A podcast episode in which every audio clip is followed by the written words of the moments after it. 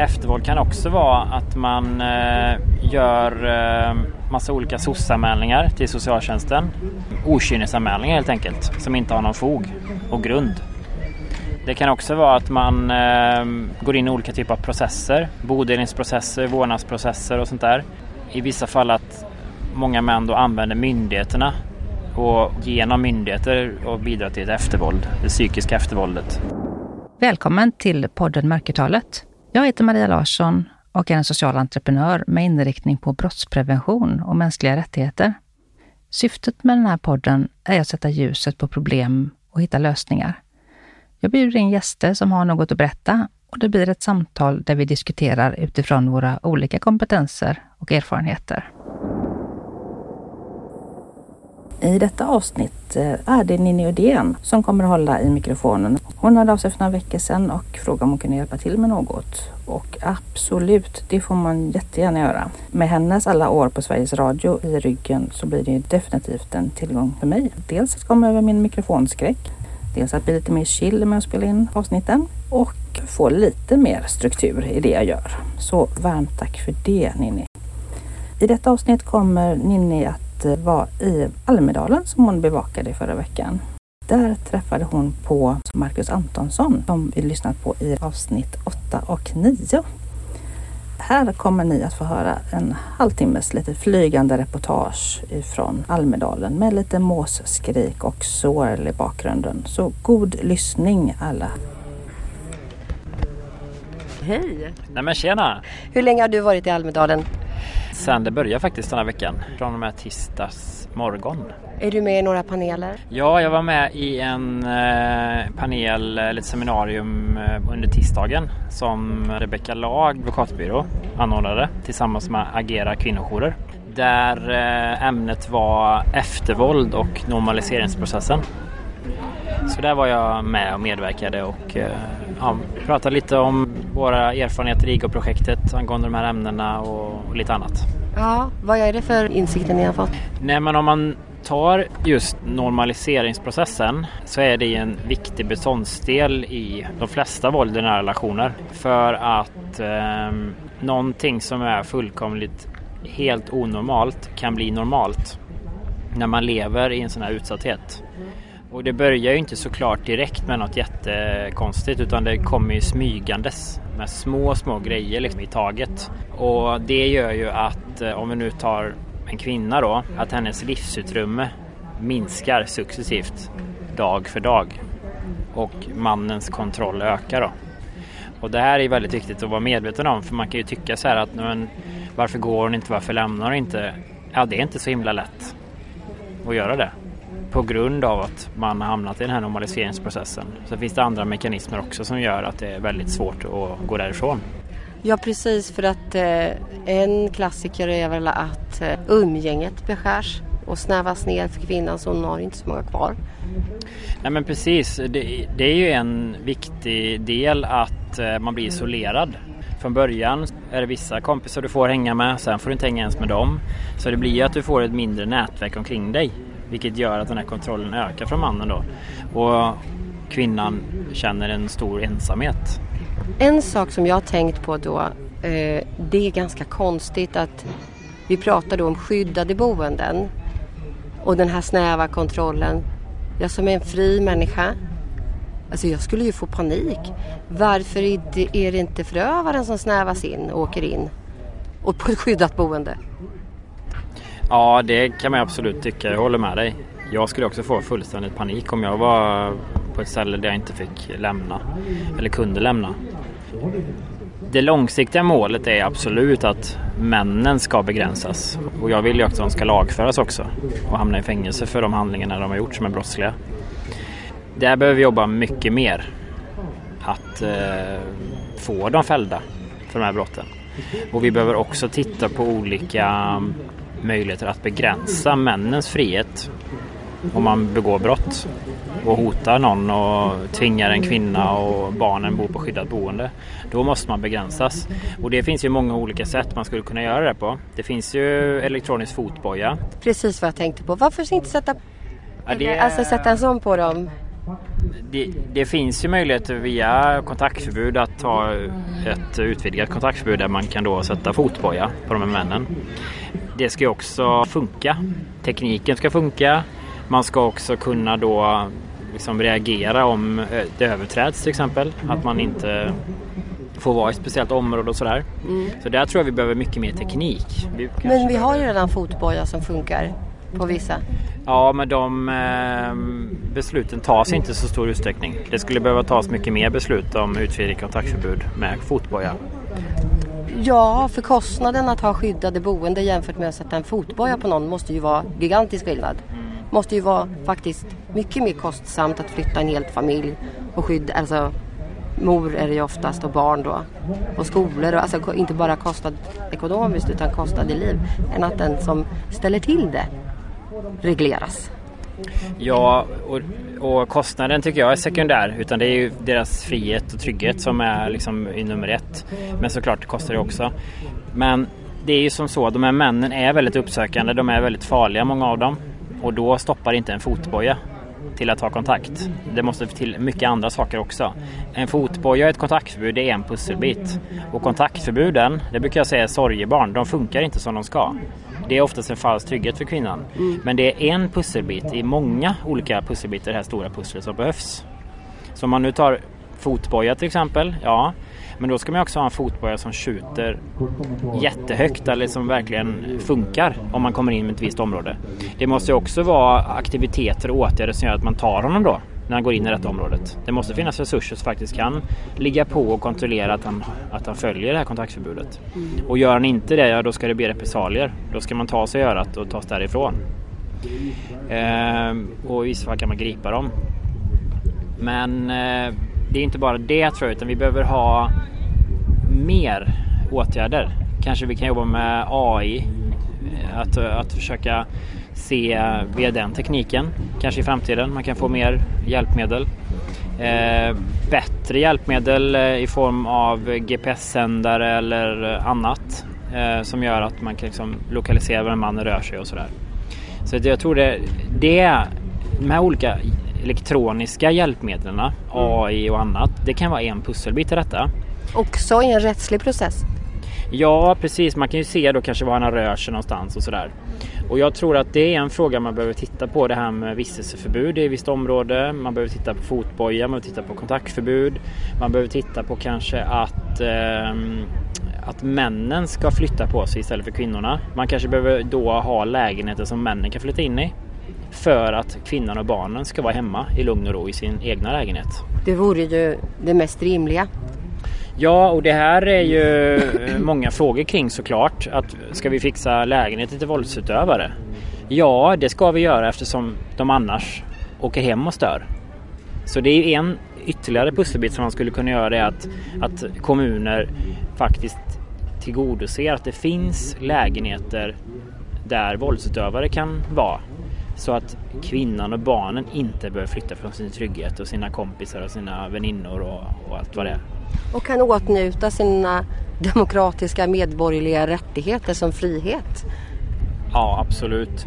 Det är absolut dit vi ska, ja. men sen är samhället inte där än. Det måste vi vara medvetna om. Det finns mycket kvar vi behöver göra, men det är absolut det långsiktiga målet. Jag vill inte ha en enda kvinna eller ett barn på skyddat boende egentligen. Och nu har vi liksom, jag vet inte exakt hur många det är, men det är uppåt 800-900 kvinnor som lever gömda och skyddade idag. Man vet ju knappt hur många de är. Och det är fruktansvärt påfrestande och jobbigt för de här kvinnorna att vara, liksom, de upplever sig att de är inlåsta. Ja men det är självklart. Mm. Och där behöver vi mycket olika åtgärder som, som då samhället behöver stå för och civilsamhället såklart.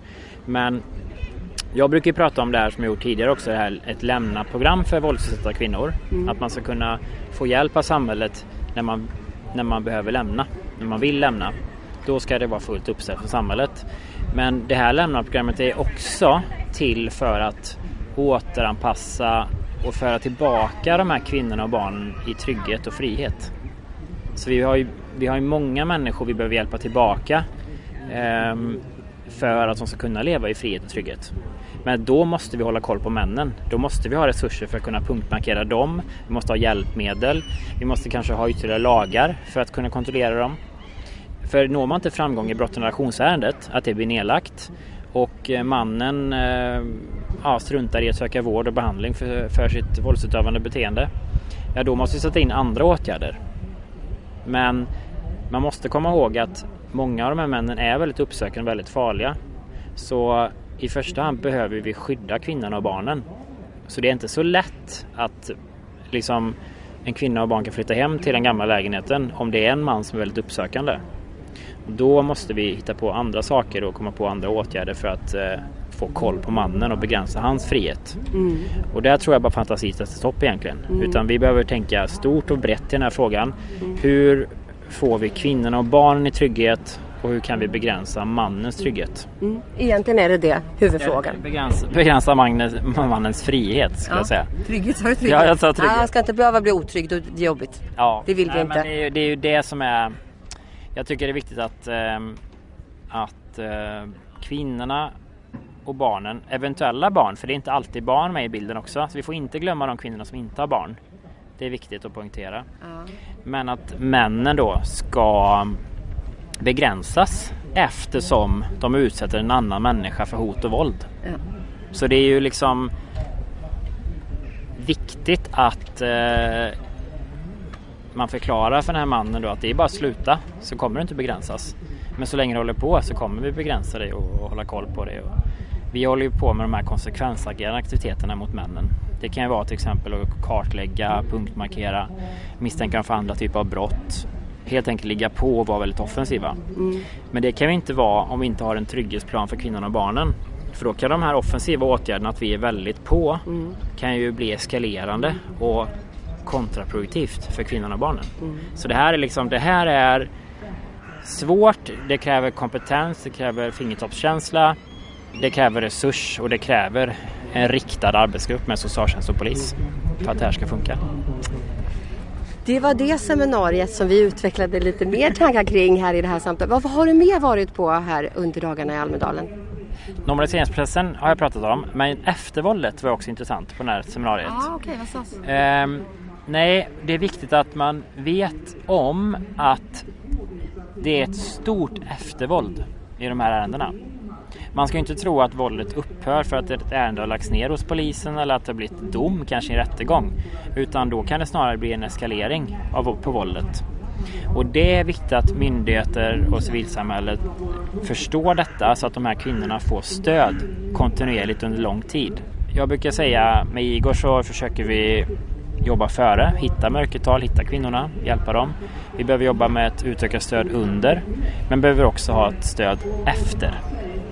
Och det skulle jag säga att vi som samhälle brister på det grövsta. Mm. För det är väldigt många kvinnor som lever i eftervåld som inte, som inte myndigheterna får reda på. Och kan du ge exempel då på vad är eftervåld? Eftervåld kan vara dels att hot och våld fortsätter och att kvinnan kanske inte orkar göra en ny anmälan eller orkar ta kontakt med myndigheter. Men eftervåld kan också vara att man eh, gör eh, massa olika SOS-anmälningar till socialtjänsten. Eh, och eh, okynnesanmälningar helt enkelt, som inte har någon fog och grund. Det kan också vara att man eh, går in i olika typer av processer, bodelningsprocesser, vårdnadsprocesser och sånt där. Och att eh, i vissa fall att många män då använder myndigheterna och genom myndigheter och bidra till ett eftervåld, det psykiska eftervåldet mot kvinnan. Att eh, anmäla för olika saker helt enkelt som inte har någon grund. Sen kan det ju vara att man eh, tar kontakt, att man ofredar, trakasserar. Det finns eh, många fall där då de har gemensamma barn där man försvårar då för kvinnan med barnen på många olika sätt. Så det finns eftervåld på många olika sätt. Det är ju fruktansvärt när myndigheterna blir nyttiga idioter till våldsutövare. Inom polisen så har man ju så kontrollerar man ju fakta. Mm. Och det du pratar om det är ju att man faktiskt kan ljuga. Var kontrolleras fakta i sådana här case? Nej, men jag tror att det är viktigt att just göra det, att kontrollera fakta. Att faktiskt eh, ställa fler frågor, eh, ifrågasätta och utreda såklart. Och om man nu tar motanmälningar som vi på polisen får in Då måste de utreda såklart. Vi är objektiva utredare. Vi ska ju utreda både för och nackdelar för båda parter så att säga. Så vi måste utreda båda anmälningarna, både en grundanmälan men också en motanmälan. Men det är många gånger så att de här motanmälningarna inte leder någon vart för att det kanske är påhitt och att de eventuella skador som han påstår att kvinnan har gjort mot honom, jo de har uppstått i form av att kvinnan har försökt skydda sig själv. Motvärningsskador och nödvärnsskador och sådär. Så eh, tror jag att äh, man behöver också från myndigheternas sida liksom sätta ner foten och säga nu räcker det, nu har du skickat in fem orosanmälningar här. Vi utreder den första orosanmälan, och vi bedömde att vi inte behöver göra någon åtgärd. Så de här andra fyra, de behöver du inte skicka in. Att man också är noga med att faktiskt sätta ner foten. Eh, sen är det ju så, vi myndigheter ska ju vara oberoende, vi ska vara objektiva. Så det är klart, man måste ju också hantera de här sakerna som kommer in. Men det handlar ju om att om du får in till exempel fem orosanmälningar, ja då kanske du utreder de tre första och sen så inser de andra två det är bara okynnesanmälningar. Så att och det här gäller ju alla situationer. Det är ju likadant i vårdnadsmål och, och tvistemål och andra saker. Att någonstans måste man sätta ner foten att nu räcker liksom. Ehm, det är ju inte så ovanligt att de nästan blir som rättshaverister, många männen. Och, och anmäler allt och alla. Eh, och även vi myndigheter eh, får anmälningar på oss. Mm. Så att det är en del såklart. Och sen eh, kan jag förstå att en del män kanske är frustrerade då för att de har förlorat vårdnaden och annat. Liksom så här. Men det beror ju på någonting. Det beror ju på att de har utövat våld och att de har bedömts som olämpliga då som föräldrar. Så att jag tycker man måste gå till sig själv. Vad har du gjort i den här situationen som bidragit till det här läget? Så det önskar jag att fler män gör, gå till sig själva och säger vad kan du förändra? Hos dig själv. Mm. För det är ju liksom på grund av dig som det är så här. Det vill jag säga till alla våldsutövare. Det här med att man tar kontakt med myndigheter och håller på att göra massa olika anmälningar och sådär eh, som inte har någon grund. Det är en del men sen är det ju så mycket annat i eftervåldet också. Mm. Och det kan ju vara att eh, du är oerhört rädd för den här mannen och han, det kan räcka att han kollar på dig så känns det jobbigt liksom. Och sen om, om ni har, de har barn tillsammans så är, behöver ju ändå det kanske hanteras om mannen då fortfarande har vårdnaden. Det ska vara överlämningar, man måste diskutera vissa saker. Och det kan ju vara att man sitter på ett föräldramöte eller liksom ett kvartssamtal eller någonting på skolan. Där liksom eh, kvinnan måste träffa mannen. Och där han då kollar på henne på ett speciellt sätt. Så hon känner sig hotad. Han säger ingenting men det räcker att han kollar på henne. Mm. Um, att man kanske inte svarar på sms som barnen till exempel. Man skiter fullständigt i det. Uh, alltså det finns många olika exempel på eftervåld. Men det man ska komma ihåg det är att våldet slutar inte med en dom. Eller det slutar inte liksom när man fått kanske en, ett avgörande i en vårdnadstvist eller sådär. Utan då kan det många gånger eskalera och bli ännu värre. Och det gör ju också att många kvinnor drar sig för att göra olika anmälningar. Att ansöka om ensam vårdnad och göra polisanmälningar och sånt där för att man kan se att det är jobbigt efteråt. Och här behöver vi som samhälle stötta upp väldigt mycket tydligare mot de här kvinnorna. Det är väl också en, en anledning till att det är ett mörkertal, att det är tyst? Ja, precis så kan det vara. Och sen tror jag också att många drar sig för att göra en polisanmälan också för man vet att då kommer jag träffa mina barn varannan vecka.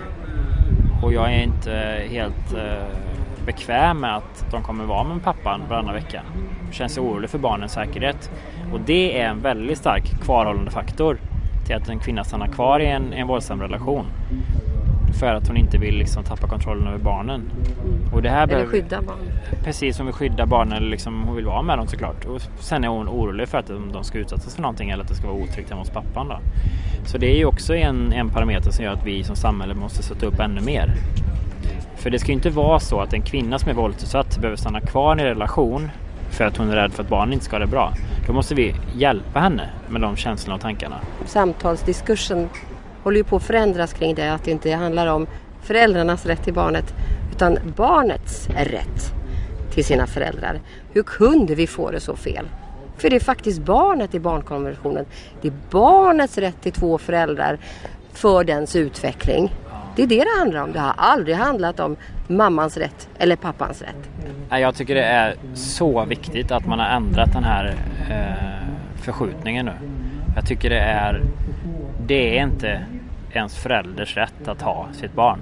Utan det är barnets rätt till trygghet som ska stå i första rummet. Ja. Barnets behov ska vara första rummet. Är du en dålig förälder, en hotfull förälder, då ska du inte ha vårdnaden om ditt barn. Punkt. Och jag tycker det är jättebra nu att det här har kommit upp till debatt. det är ju alldeles för sent tyvärr. Vi har ju, vi har ju sett fruktansvärda ärenden där barn har blivit mördade. Där pappan har haft vårdnaden om barnet. Fast det har varit så många olika varningar till detta.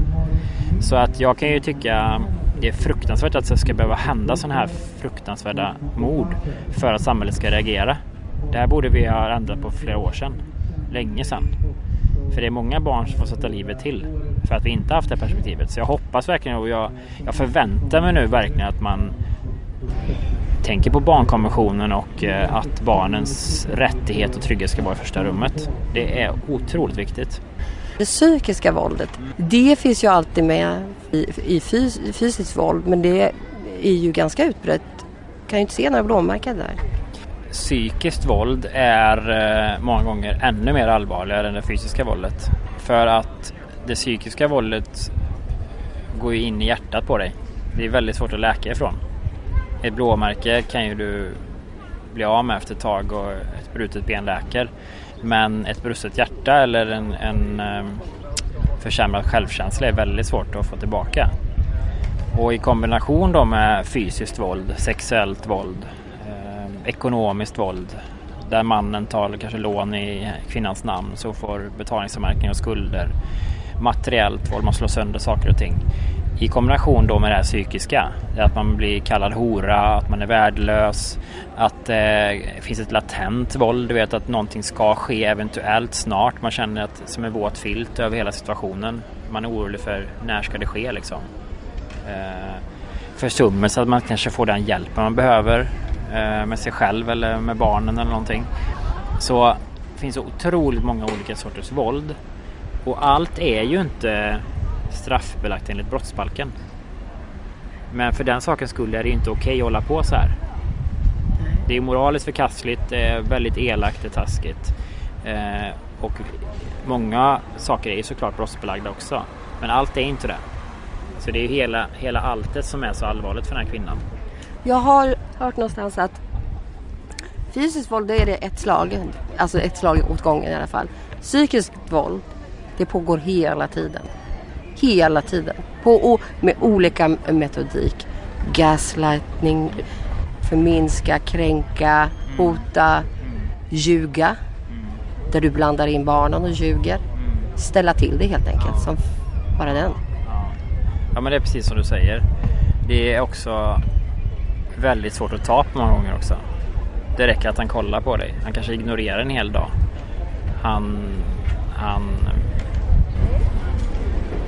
gör olika saker som gör att du känner dig värdelös. Och um, många gånger så tar de in barnen i det också och använder barnen i våldet också. Hur ser fördelningen ut där? Du menar med fysiskt våld och psykiskt våld? Ja, psykiskt våld tänkte jag på. Det ser så himla olika ut beroende på hur det är. Mm. Svårt att säga generellt för det ser väldigt olika ut. Det finns um, våldsutövare som bara utövar psykiskt våld. Men det finns våldsutövare som bara utövar det fysiska våldet. Um, men ofta är det en kombination av allting. Det är um, en blandning av uh, olika sorters våld som de här kvinnorna är utsatta för. Och det här makt eh, och kontrollbehovet som många männen har, det är ju jättejobbigt för kvinnan.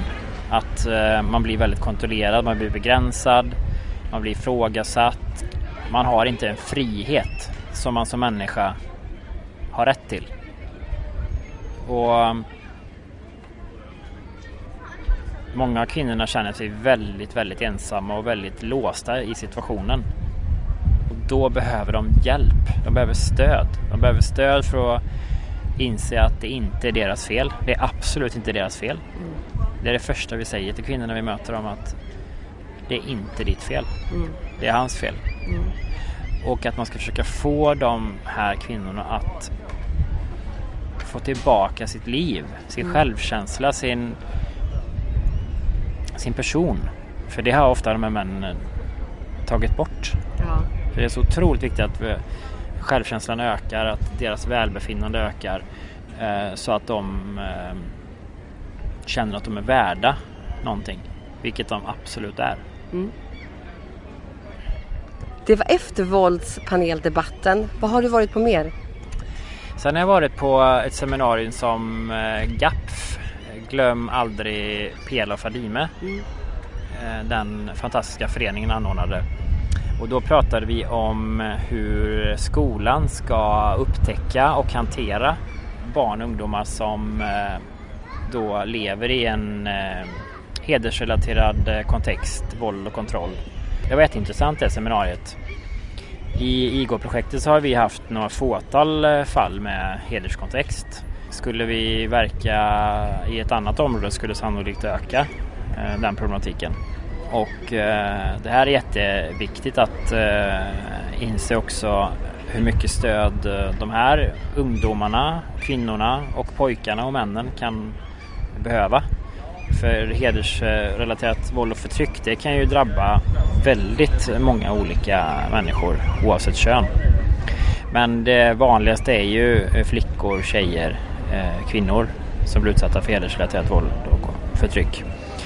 Och där behöver man ju enormt mycket stöd för där kan det vara många olika gärningspersoner. Många olika våldsutövare. Det kan vara många olika i familjen, det kan vara kompisar till familjen. Det kan eh, vara otroligt komplext. Liksom. Så att det här behöver man ju ha ett helhetsgrepp och en helhetssyn på vilket stöd som behövs där. Och att man eh, förstår att det är eh, väldigt svårt. För där kan vi prata om ensamhet att man blir väldigt, väldigt utsatt. Mm. Och um, många gånger behöver de ju skyddas från väldigt många olika personer vilket gör att deras begränsning av livet blir ännu större.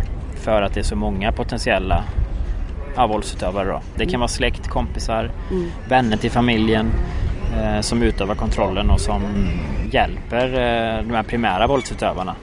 Kanske framförallt familjemedlemmar då. Mm. Att utöva den här kontrollen som är så stark det är bra att de är här och pratar. Har du varit på någonting mer? Ja, sen anordnade Nationellt centrum för kvinnofrid ett jätteintressant seminarium också om eftervåld och eh, just vårdnadsfrågan, umgängesfrågan som också var väldigt intressant. Och NCK, så det förkortas då, har ju otroligt mycket intressant forskning och eh, har en stor kunskapsbank. Så där eh, vill jag verkligen uppmana alla som är intresserade av det ämnet att gå in och kolla på Nationellt centrum för kvinnofrids hemsida. Det är vid Uppsala universitet. Och väldigt mycket bra information där. Mm. Eh, och sen eh, var jag faktiskt på ett seminarium också om gängkriminalitet. Förebygga eller vara repressiva. Hårda tag och mjuka tag som man kallar det. Och det vill jag lyssna på för att se om de tog upp någonting om våld i relation och mäns våld mot kvinnor i den här frågan. Eh, det gjordes inte och jag kunde tyvärr inte fråga heller för det var mm, slut på frågetiden. Men det jag hade velat fråga på det seminariet det var ju hur jobbar ni med just våld i relation och mäns våld mot kvinnor just den här frågan? För vi kan ju uppleva att många av de här pojkarna som skjuter ihjäl varandra nu har ju levt i en familj där våldet har blivit normaliserat. Där man antingen blivit misshandlad själv eller utsatt själv eller bevittnat våld med närstående. Och i kombination då med att man upplever ett utanförskap, att man inte får komma in i samhället, att det finns en orättvisa, en frustration helt enkelt hos dessa unga pojkar gör ju, tror jag, att man till slut har ett vapen i handen och skjuter en annan pojke. Det är en pusselbit till att kanske stävja gängkriminaliteten också. Att man jobbar på det här sättet som IGO gör och jobbar med våld i nära relation på det här sättet, socialtjänst och polis, så kan det också faktiskt ge ringa på vattnet på ett positivt sätt i de här fallen. Så den frågan tänkte jag ställa, men den hann jag inte ställa. Nej. Men eh, hoppas kanske någon lyssnar på det här istället så eh, kan man fundera över det. Men det är viktigt att jobba med med mäns våld mot kvinnor och våld i nära relationer också av den anledningen att vi ska fånga upp barnen. Mm.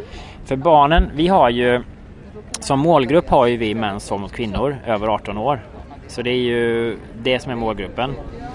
Ehm, och eh, då är det kvinnor som vi stöttar framförallt och försöker få männen att sluta utöva våld, få dem lagförda och sådär. Så vi har ju inte barnen som primär målgrupp i projektet. Men det är någonting vi verkligen vill utöka sen om vi skulle få bli permanenta. Just att få ett tydligare barnrättsperspektiv in i projektet. Mm. Vi har ju stött på över 210 barn nu i projektet. För många av de kvinnorna vi möter har ju barn.